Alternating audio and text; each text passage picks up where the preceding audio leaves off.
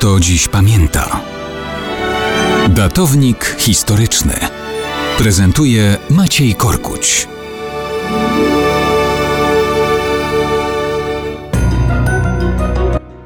Mało kto dziś pamięta, że równe 35 lat temu, w roku 1986, po raz pierwszy w okresie świątecznym w eter puszczano piosenkę Driving Home for Christmas. To był jeden z najczęściej odtwarzanych utworów związanych z klimatem świąt Bożego Narodzenia, czyli chyba najbardziej rodzinnych świąt w roku. I choć nie jest to kolenda, to w popkulturowym świecie chyba najbardziej jest zbliżona do tego, czym są te właśnie święta. To nie jest przypadkiem, że taki utwór napisał Christopher Anton Ria, syn Irlandki i włoskiego przybysza na Wyspy Brytyjskie o imieniu Camillo. Wszak Irlandia i Włochy to kraje, gdzie bożonarodzeniowe tradycje, tak jak u nas, łączą wspomnienia betlejemskiej stajenki z rodzinnym ciepłem, tysiącami wspomnień, pragnieniem spotkania z najbliższymi, dla którego warto jechać setki kilometrów, nawet jeśli zaraz potem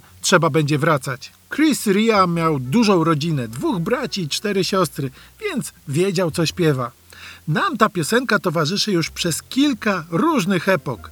Na zachodzie nakręcono do niej pozornie najnudniejszy teledysk świata. Kamera nieruchomo ustawiona za przednią szybą samochodu pokazuje, co widzi kierowca jadący przez zaśnieżone ulice. Mija inne samochody, wycieraczki strącają kawałki topniejącego śniegu, on jedzie. Nuda, nuda?